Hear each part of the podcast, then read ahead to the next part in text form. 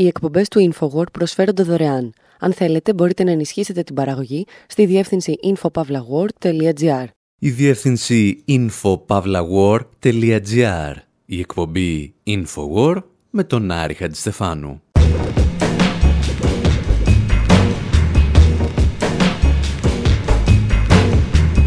Όπου σήμερα με αφορμή την πρόορη απελευθέρωση του ναζιστή Γιώργου Πατέλη από την ελληνική δικαιοσύνη θυμόμαστε μερικές μεγάλες αντιφασιστικές δίκες που δεν είχαν το τέλος που όλοι περιμέναμε. Τα πίνουμε σε μια πυραρία κάπου στο Μόναχο, όπου κάποτε παραλίγο να σκοτώσουν τον Αδόλφο Χίτλερ. Ανακατεύουμε περίεργα χημικά για λογαριασμό γερμανικών εταιριών που οδηγήθηκαν στα έδρανα της Νιρεμβέργης, αλλά την έβγαλαν καθαρή. Και τέλος, παρακολουθούμε κάτι γραφικούς Ιάπωνες φασίστες στο κέντρο του Τόκιο να τραγουδούν για την χαμένη τους αυτοκρατορία.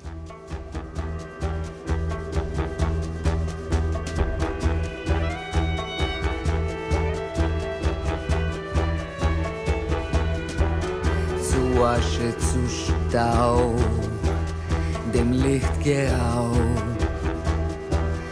doch noch nicht jetzt.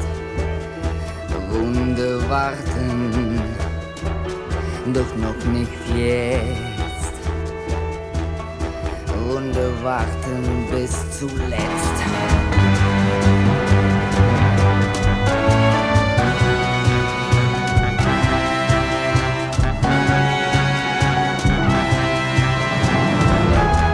Es ist wohl nur ein Traum, das bloße Haschen nach dem Wind.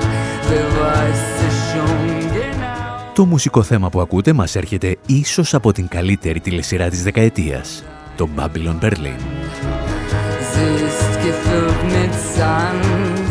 Η υπόθεση, αν δεν την έχετε παρακολουθήσει, εκτιλήσεται στα τελευταία χρόνια της δημοκρατίας της Βαϊμάρης και περιλαμβάνει τροτσκιστές και σταλινικούς, ναζιστές και δεξιούς αστούς, αστυνομικούς και ιερόδουλες, που ενίοτε είναι το ίδιο πρόσωπο.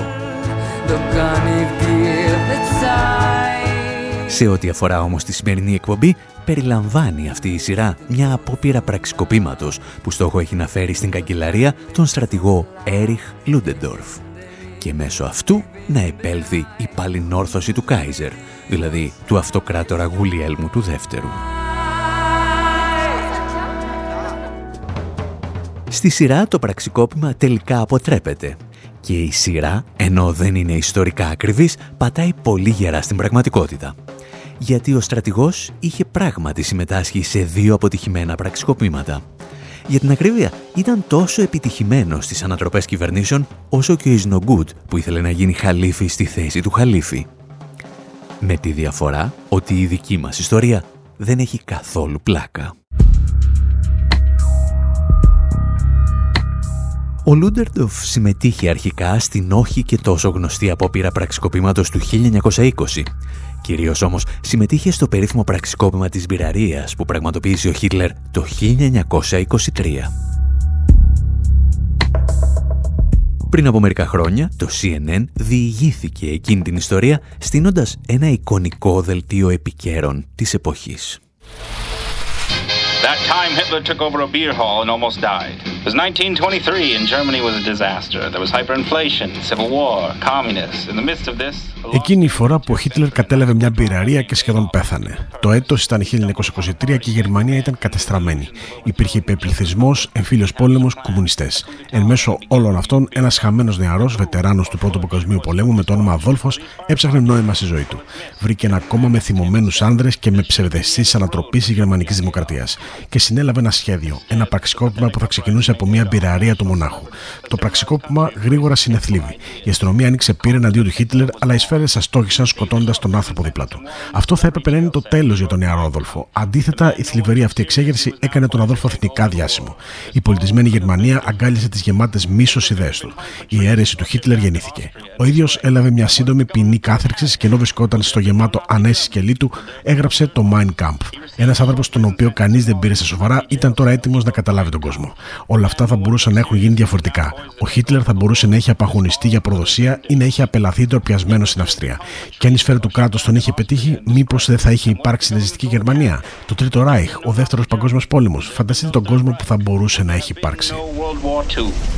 Imagine the world that could have been.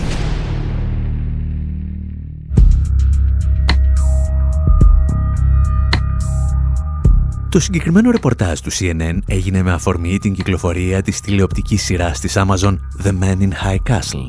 Ουσιαστικά παρουσιάζει μια φιλελεύθερη αντίληψη της ιστορίας στην οποία όλα μπορούν να αλλάξουν από ένα τυχαίο γεγονός.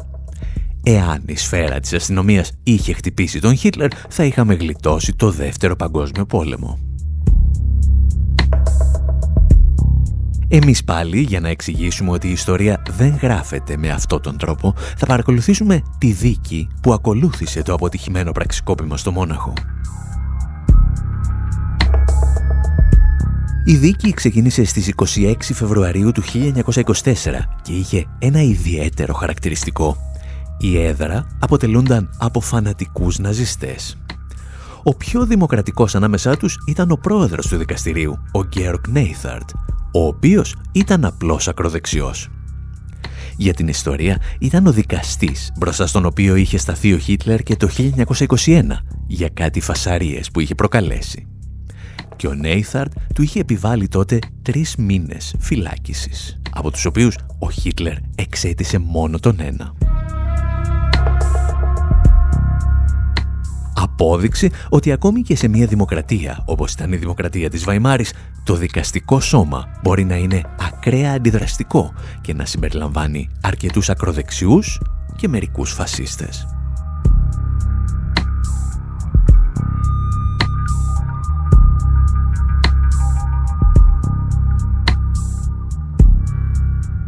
Στη δίκη που εξετάζουμε τώρα για το πραξικόπημα της μπειραρίας, η έδρα επέτρεψε στον Χίτλερ να μετατρέψει την αίθουσα σε προσωπικό του αμφιθέατρο.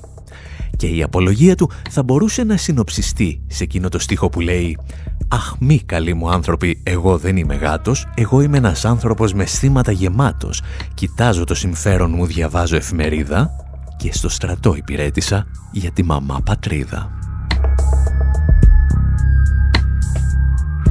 Στην περίπτωση που εξετάζουμε βέβαια, ο μαύρος γάτος δεν ήταν αλάνι, αλλά σάρκα από τη σάρκα του αστικού κράτους της Γερμανίας του Μεσοπολέμου. Και έτσι η ποινή δεν ήταν εκτέλεση δια του φεκισμού, αλλά μόλις πέντε χρόνια σε ειδικά διαμορφωμένες φυλακές για επίσημους. Από αυτή την ποινή, ο Χίτλερ εξέτησε μόνο τους 8 μήνες. Έμεινε δηλαδή μέσα μόνο το χρόνο που χρειαζόταν για να γράψει το Mein Kampf, το βιβλίο «Ο αγών μου».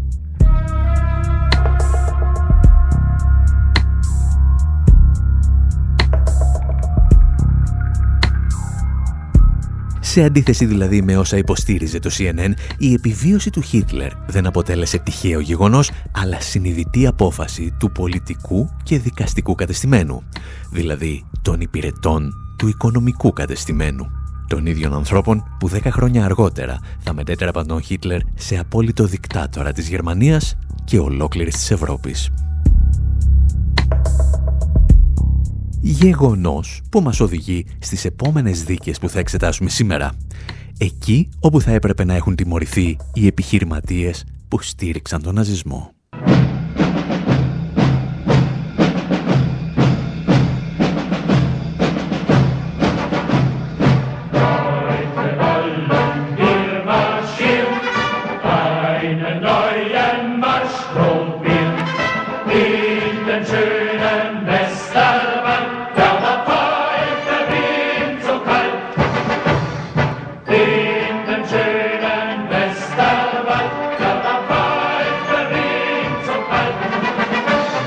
Μουσική που ακούτε μας έρχεται από το soundtrack της ταινίας «Η δίκη της Νιρεμβέργης» του 1961.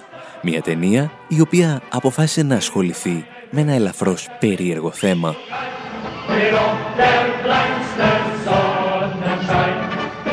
Αντί να καταγράψει τη βασική δικαστική διαδικασία εναντίον των αξιωματούχων της ναζιστικής Γερμανίας, ασχολήθηκε με 12 λιγότερο γνωστές υποθέσεις. Γιατί εκτός από το βασικό στρατιωτικό δικαστήριο που έστησαν οι Ηνωμένες Πολιτείες, η Βρετανία και η Σοβιετική Ένωση για να δικάσουν τους εγκληματίες πολέμου της ναζιστικής Γερμανίας, ακολούθησαν και οι λεγόμενες επακόλουθες δίκες, που ίσως στην περίπτωσή μας να έχουν και μεγαλύτερη σημασία.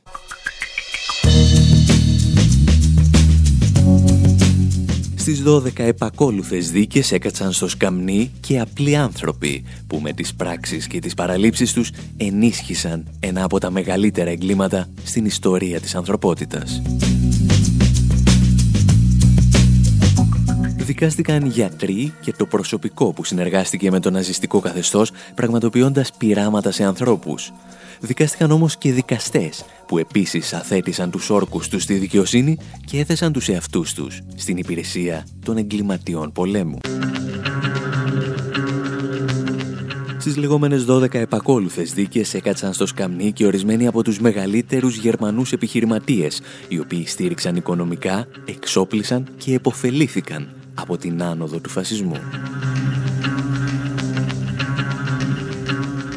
Οι Ηνωμένες Πολιτείες το έκαναν και οδήγησαν ενώπιον στρατοδικείου τα στελέχη τριών κολοσσών της γερμανικής οικονομίας, τον Φρίντριχ Φλικ, τον Άλφρεντ Κρουπ και τα στελέχη της εταιρείας IG Farben. Ο Φλικ είναι ο πρώτος που θα καθίσει στο εδώλιο. Κατηγορείται μεταξύ άλλων ότι χρησιμοποιούσε αιχμαλώτους σαν σκλάβους για τις επιχειρήσεις του και ότι ανήκε στον βασικό πυρήνα των βιομηχάνων που χρηματοδότησαν το κόμμα του Χίτλερ πριν καταλάβει την εξουσία. Γιατί, όπως έχουμε βαρεθεί να επαναλαμβάνουμε, κανένα φασιστικό κόμμα δεν ήρθε στην εξουσία χωρίς τη στήριξη της εκάστοτε οικονομικής ελίτ. A mark, a yen, a buck, or a pound, a buck, or a pound, a buck, or a pound is all that makes the world go round. That clinking, clanking sound can make the world go round.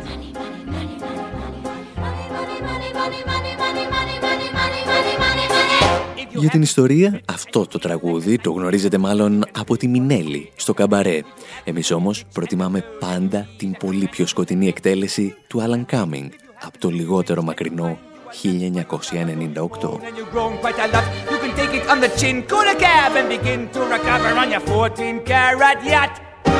Money makes the world go around, the world go around, the world go around. Money makes the world go around, of that we can be sure. I'm being poor. Money, money, money, money, money, money, money, money, money, money, money, money, money, money.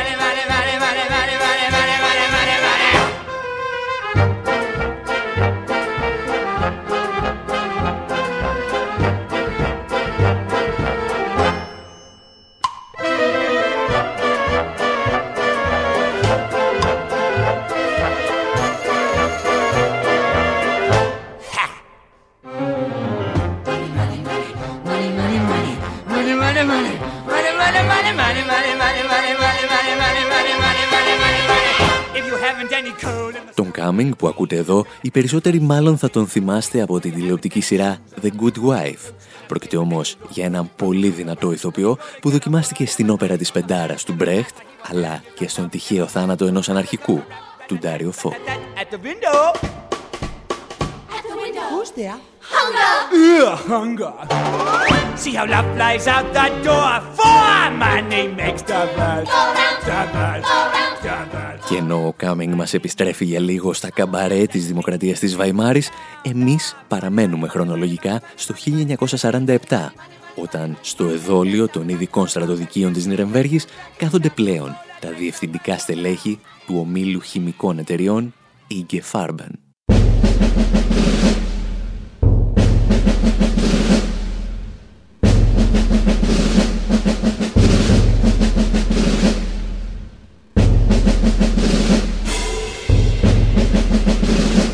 Η Φάρμπεν ήταν γνωστή από τον Πρώτο Παγκόσμιο Πόλεμο όταν κατάφερε να παρασκευάσει συνθετικά χημικά που χρησιμοποιούνταν σε πυρομαχικά.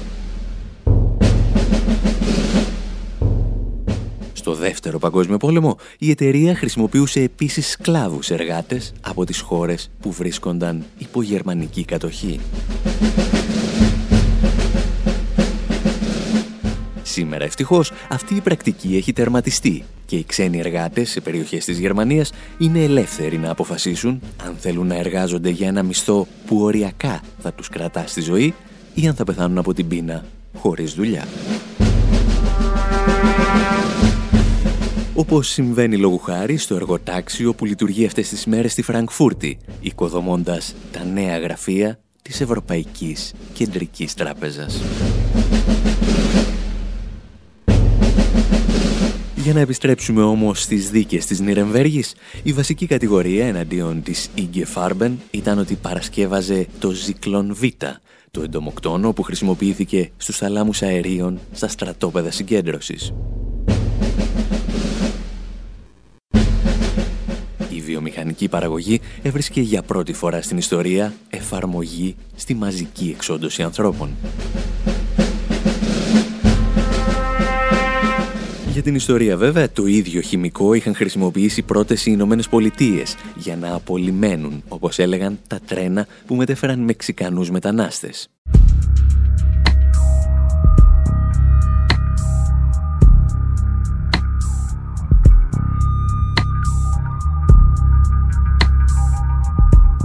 Η σημαντικότερη πάντως δίκη που πραγματοποιήθηκε στα Αμερικανικά στρατοδικεία της Νιρεμβέργης ήταν αυτή του Alfred Krupp, αλλά και 12 πρώην διευθυντών του ομίλου του που καθόρισε την πορεία της Γερμανίας στον Πρώτο και στο Δεύτερο Παγκόσμιο Πόλεμο. Ο Κρουπ κατηγορήθηκε ότι βοήθησε στη βιομηχανική παραγωγή όπλων που θα χρησιμοποιούνταν για επεκτατικούς πολέμους και την κατάκτηση ολόκληρης της Ευρώπης. Το οποίο είναι βέβαια ακριβές σαν πληροφορία, αλλά να το λένε Αμερικανοί δικαστές είναι τουλάχιστον αστείο. Γιατί οι πρώτοι επιχειρηματίες που στήριξαν ανοιχτά τον Χίτλερ στην προσπάθειά του να καταλάβει τον κόσμο ήταν Αμερικανοί τραπεζίτες και ο περίφημος Henry Ford, ο πατέρας της γνωστής αυτοκινητοβιομηχανίας, της αλυσίδας παραγωγής και του μοντέλου TAF. There's one car that takes you anywhere you want to go. The Model T. Strong, sturdy, with a will of its own. Here's how they put them together at the Highland Park plant. A car comes off the end of the line every 10 seconds. Και για να μην έχετε φυσικά ψευδεστήσεις ότι και στην Ιρεμβέργη αποδόθηκε δικαιοσύνη με τον καλύτερο δυνατό τρόπο, να σας θυμίσουμε ότι ο Άλφρεντ Κρουπ, αν και καταδικάστηκε σε κάθειρξη 12 χρόνων, την έκανε σαν πουλάκι σε μόλις 3 χρόνια. Την απελευθέρωσή του εξασφάλισε ένας Αμερικανός τραπεζίτης, ο Τζον Τζέι Μακκλόι, ο οποίος τύχαινε να είναι διευθυντής της Παγκόσμιας Τράπεζας και αργότερα ανώτατος επίτροπος στη Γερμανία. Παλαιότερα ο Μακλό είχε ασκήσει όλη την επιρροή του για να δημιουργηθούν τα Αμερικανικά στρατόπεδα συγκέντρωσης, όπου κατά τη διάρκεια του Δευτέρου Παγκοσμίου Πολέμου κρατούνταν Αμερικανοί πολίτες ιαπωνικής καταγωγής χωρίς καμία απολύτως κατηγορία. Ο συγκεκριμένος κύριος είχε φαίνεται μία αιμονή με τα στρατόπεδα συγκέντρωσης. Και έτσι, όταν το Πεντάγωνο έπρεπε να αποφασίσει αν θα στείλει βομβαρδιστικά για να αποκλείσουν τη δίωδο των Γερμανών προς το Auschwitz, αυτός είπε «Άσε, δεν πειράζει, σιγά μην με βενζίνη». Στη συνέχεια, ο ίδιος άνθρωπος, ως επίτροπος στην κατεχόμενη Γερμανία, φρόντιζε να μειώνει τις ποινές των εγκληματιών πολέμου και κυρίως των επιχειρηματιών που τους είχαν υποστηρίξει.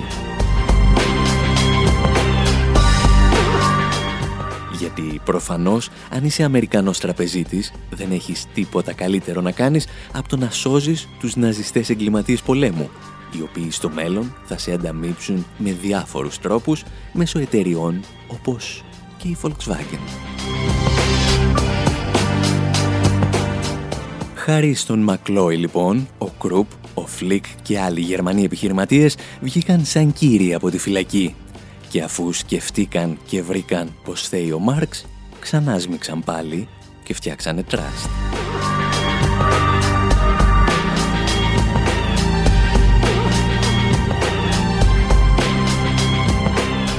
Εσείς μένετε εδώ, γιατί έχουμε μια τρίτη ιστορία να σας διηγηθούμε από ένα μεγάλο ταξίδι που πραγματοποιήσαμε πριν από ένα χρόνο στην Ιαπωνία.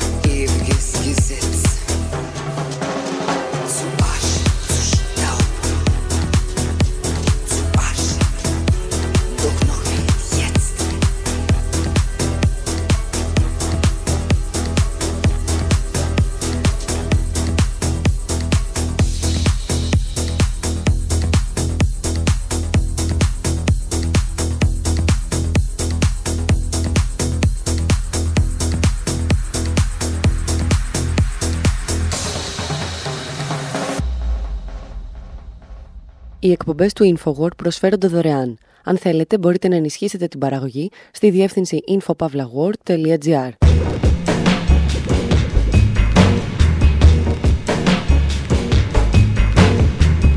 Εκπομπή Infowar, μέρος δεύτερο. Όπου συνεχίζουμε να θυμόμαστε μεγάλες αντιφασιστικές δίκες που είχαν αίσια έκβαση, αλλά στη συνέχεια κάποιος αποφάσισε να απελευθερώσει τους ενόχους. Είδαμε τη δίκη για το πραξικόπημα της Μπυραρίας του 1923, όπου τη γλίτωσε ο Χίτλερ και ύστερα τις συμπληρωματικές δίκες της Νιρεμβέργης, όπου τη γλίτωσαν οι επιχειρηματίες που τον έφεραν στην εξουσία. Και έχει έρθει η στιγμή να σας διηγηθούμε μία ακόμη ιστορία με ελαφρώς πιο προσωπικό τρόπο από τις περίφημες δίκες του Τόκιο.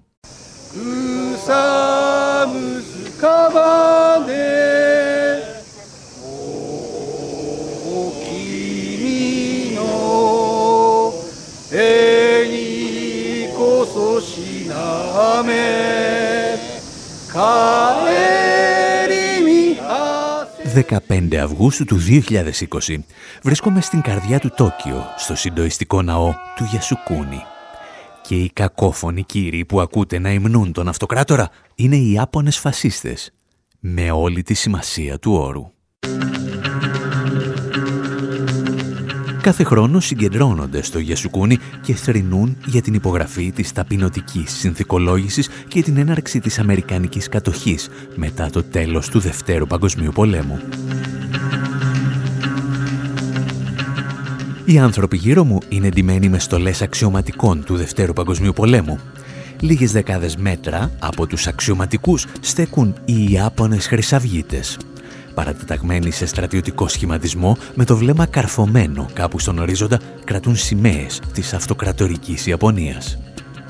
Σε μικρή απόσταση διακρίνω και βουλευτές του κυβερνώντος φιλελεύθερου δημοκρατικού κόμματος, αλλά και στελέχη της Γιακούζα, της διαβόητης Ιαπωνικής μαφίας. Και όσο περνάει η ώρα, ο σουρεαλισμός φουντώνει. «Είστε από την Ελλάδα» με ρωτάει ένας κύριος, ο οποίος είναι ντυμένος αξιωματικός της γερμανικής Wehrmacht και αμέσως σπέβδει να μου εκφράσει τον ενθουσιασμό του για τον ελληνικό πολιτισμό. «Από την Ελλάδα» ρώτησε χαμογελώντας και ένας άλλος κύριος που άκουγε τη συνομιλία μας. Αυτός ήταν ντυμένος με πολιτικά και η ευγένεια στο πρόσωπό του τον έκανε να δείχνει ελαφρώς παράτερος σε αυτή τη Disneyland του εθνικισμού.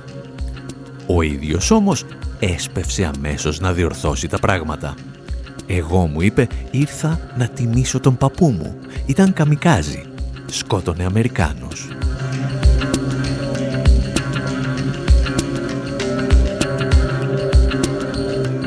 Ο ναός του Γιασουκούνη αποτελεί σήμερα και ένα μαυσολείο στο οποίο οι Ιάπωνες φασίστες τιμούν τους εγκληματίες πολέμου του Δευτέρου Παγκοσμίου Πολέμου. Ο ναός του Γιασουκούνη αποτελεί σήμερα και ένα μαυσολείο, στο οποίο οι Ιάπωνες φασίστες τιμούν τους εγκληματίες του Δευτέρου Παγκοσμίου Πολέμου.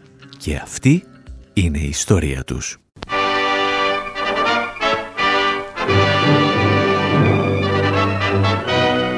The battleship Missouri, 53,000-ton flagship of Admiral Halsey's Third Fleet, becomes the scene of an unforgettable ceremony marking the complete and formal surrender of Japan. Τα αμερικανικά επίκαιρα ανακοινώνουν την υπογραφή της Συμφωνίας Συνθηκολόγησης των Ιαπώνων στο κατάστρωμα του θορυκτού Μιζούρι το Σεπτέμβριο του 1945. Η αμερικανική κατοχή της Ιαπωνίας ξεκινά και μαζί της ξεκινούν και οι λεγόμενες δίκες του Τόκιο. Μια διαδικασία ανάλογη σε μέγεθος και σημασία με τη δίκη της Νιρεμβέργης, για την οποία όμως γνωρίζουμε πολύ λίγα στην Ευρώπη. Γι' αυτό είπαμε να ακούσουμε καταρχήν μία σύνοψη από τη σειρά mini ντοκιμαντέρ The Untold Past. The Tokyo War Crimes Tribunal was a military trial that began on April the 29th, 1946, and it aimed to try the leaders of the Japanese Empire Το Δικαστήριο Εγκλημάτων Πολέμου του Τόκιο ήταν μια στρατιωτική δίκη που ξεκίνησε στις 19 Απριλίου 1946. Σκοπός ήταν η καταδίκη των ηγετών της Ιαπωνικής Αυτοκρατορίας για μια σειρά από διαφορετικά εγκλήματα. Η πρώτη κατηγορία εγκλημάτων, γνωστή ως κλάση Α, αφορούσε την από κοινού συνωμοσία για την έναρξη και διεξαγωγή του πολέμου. Τα εγκλήματα κλάση Β ήταν εγκλήματα πολέμου και η κλάση Γ αφορούσε εγκλήματα κατά της ανθρωπότητας παρόμοια με αυτά της Νερεβέργη. Σε αυτές τις δίκες έλαβαν μέρος 11 11 χώρες: Αυστραλία, Καναδάς, Κίνα, Γαλλία, Ινδία, Ολλανδία, Νέα Ζηλανδία, Φιλιππίνες, Σοβιετική Ένωση, Ηνωμένο Βασίλειο και Ηνωμένες Πολιτείες. Όλες οι χώρες παρήχαν δικαστές και εισαγγελείς για το δικαστήριο. Οι υπεράσπιση αποτελούνταν από Ιάπωνες και Αμερικανούς δικηγόρους. 28 Ιάπωνες πολιτικοί και στρατιωτικοί ηγέτες αντιμετώπισαν 55 διαφορετικές κατηγορίες, στις οποίες περιλαμβάνονταν κατηγορίες διάπραξης επιθετικών πολέμων, δολοφονίας αμάχων, εγκλημάτων πολέμου κατά εχμαλώτων και κατοίκων κατεχόμενων περιοχών. Κατηγορούμενοι ήταν πρώην πρωθυπουργοί, μέλη της κυβέρνησης, υπουργοί εξωτερικών και οι διοικητές και ηγέτες του στρατού. Members of the government, foreign ministers, and military commanders or leaders.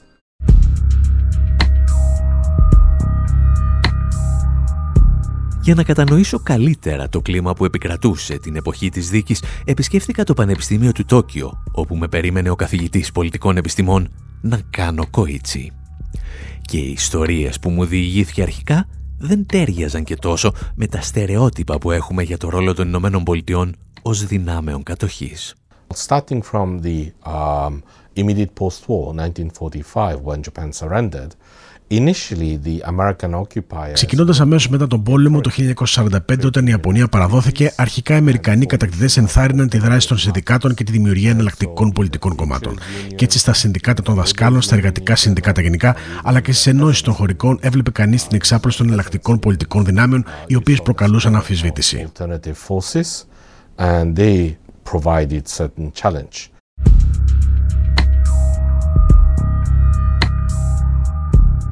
Προκειμένου λοιπόν να φέρει την αυτοκρατορική Ιαπωνία στο δρόμο του αστικού φιλελευθερισμού, η Ουάσιγκτον πραγματοποιεί γιγαντιαία βήματα εκδημοκρατισμού της χώρας.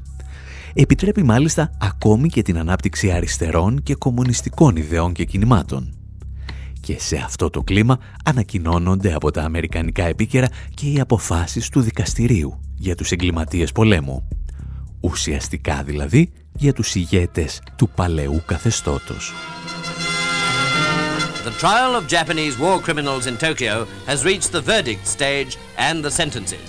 The one-legged Shigemitsu was one of them. Η δίκη των Ιαπώνων εγκληματιών πολέμου στο Τόκιο έχει φτάσει στη φάση της τιμιγορία και των ποινών. Ο κουτσός Σιγκιμίτσου ήταν ένας από αυτούς. Ήταν αυτός που κουτσένοντας ανέβηκε στο Αμερικανικό πολεμικό πλοίο Μιζούρι και υπέγραψε την παράδοση της Ιαπωνίας μπροστά στον στρατηγό Μακάρθουρ. Ο πρώην υπουργός της πολεμικής κυβέρνησης της Ιαπωνίας καταδικάστηκε από το Διεθνές Δικαστήριο σε φυλάκιση 7 ετών. Ο πιο περίφημος εκ των εγκληματιών είναι φυσικά ο πολεμικός πρωθυπουργός της Ιαπωνίας Τότζο. Αυτός διέταξε τη δόλια επίθεση στο Pearl Harbor και είναι υπεύθυνος για ανίποτε κτηνοδίε που διαπράχθηκαν από τους άνδρες υπό τις διαταγές του. Αυτός και άλλοι έξι άκουσαν τον Αυστραλό ανώτατο δικαστή Σερ William Webb να διαβάζει τις ποινές τους. Θάνατος διαπαχωνισμού.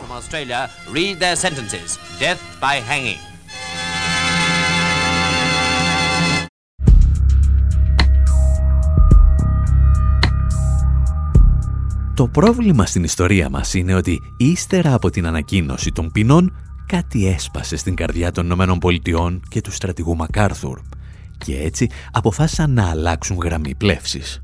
Θα τα συζητήσουμε ύστερα από αυτό.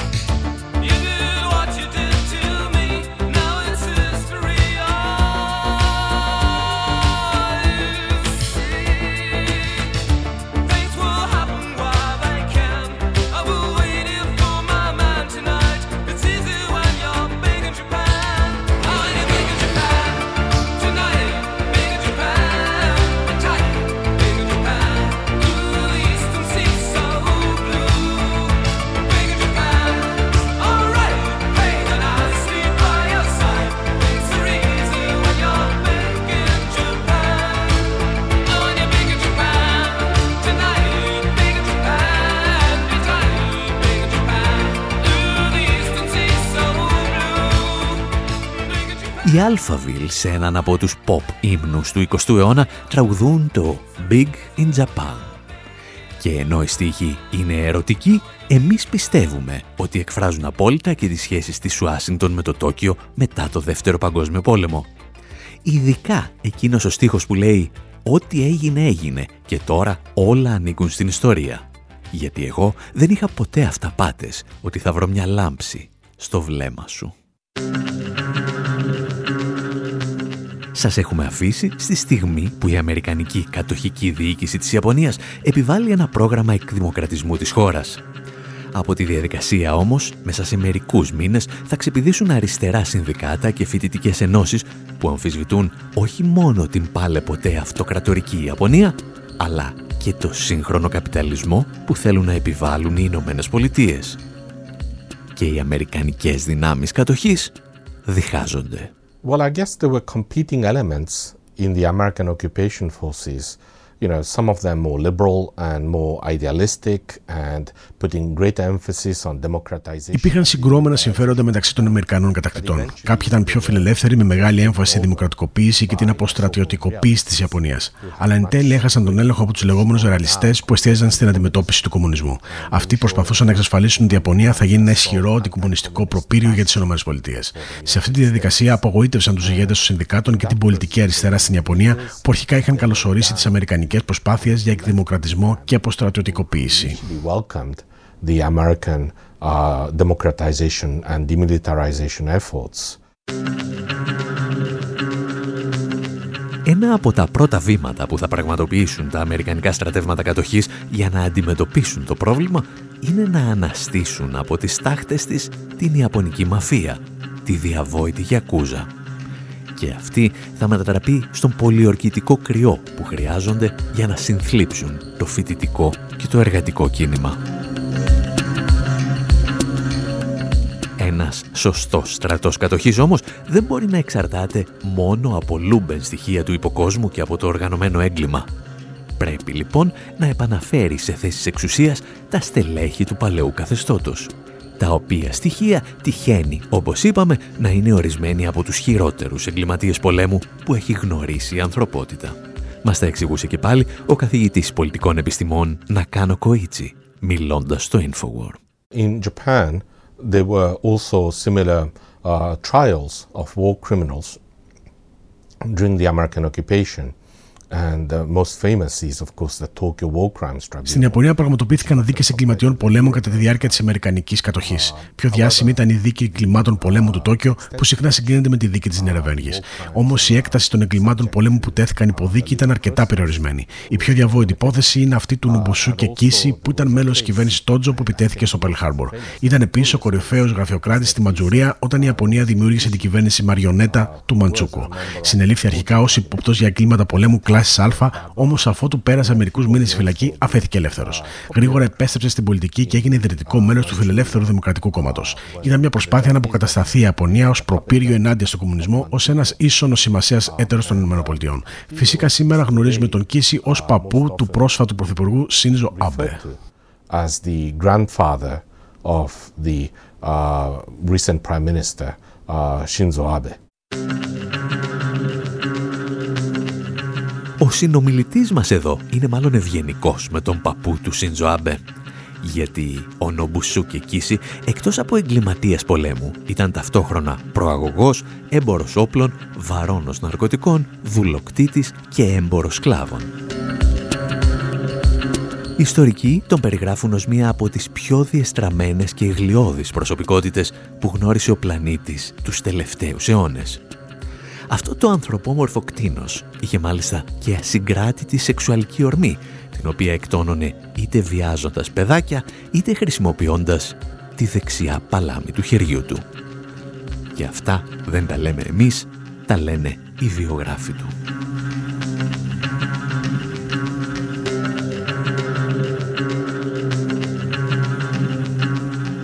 Μετά την κατάληψη της Ιαπωνίας λοιπόν, ο στρατηγός Μακάρθουρ άρχισε να απελευθερώνει τους σημαντικότερους εγκληματίες πολέμου, τους μοναδικούς ανθρώπους που μαζί με την Γιακούζα θα εξασφάλιζαν την παραμονή της Ιαπωνίας στην αμερικανική σφαίρα επιρροής.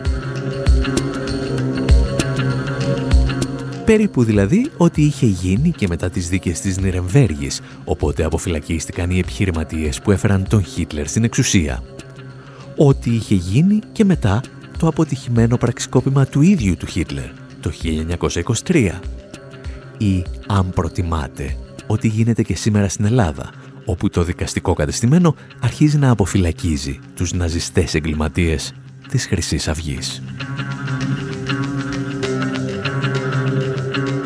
Εμείς πάλι κάπου εδώ λέμε να σας αφήσουμε και για αυτή την εβδομάδα. Κείμενα για τις ιστορίες που σας διηγούμαστε θα βρίσκετε πάντα στη διεύθυνση info.pavlawar.gr Μέχρι την επόμενη εβδομάδα πάντως, από τον Άρη Στεφάνου στο μικρόφωνο, τον Ανδρέα Κοσιάρη στις μεταφράσεις και την έρευνα και τον Δημήτρη Σταθόπουλο στην τεχνική επιμέλεια, γεια σας και χαρά σας.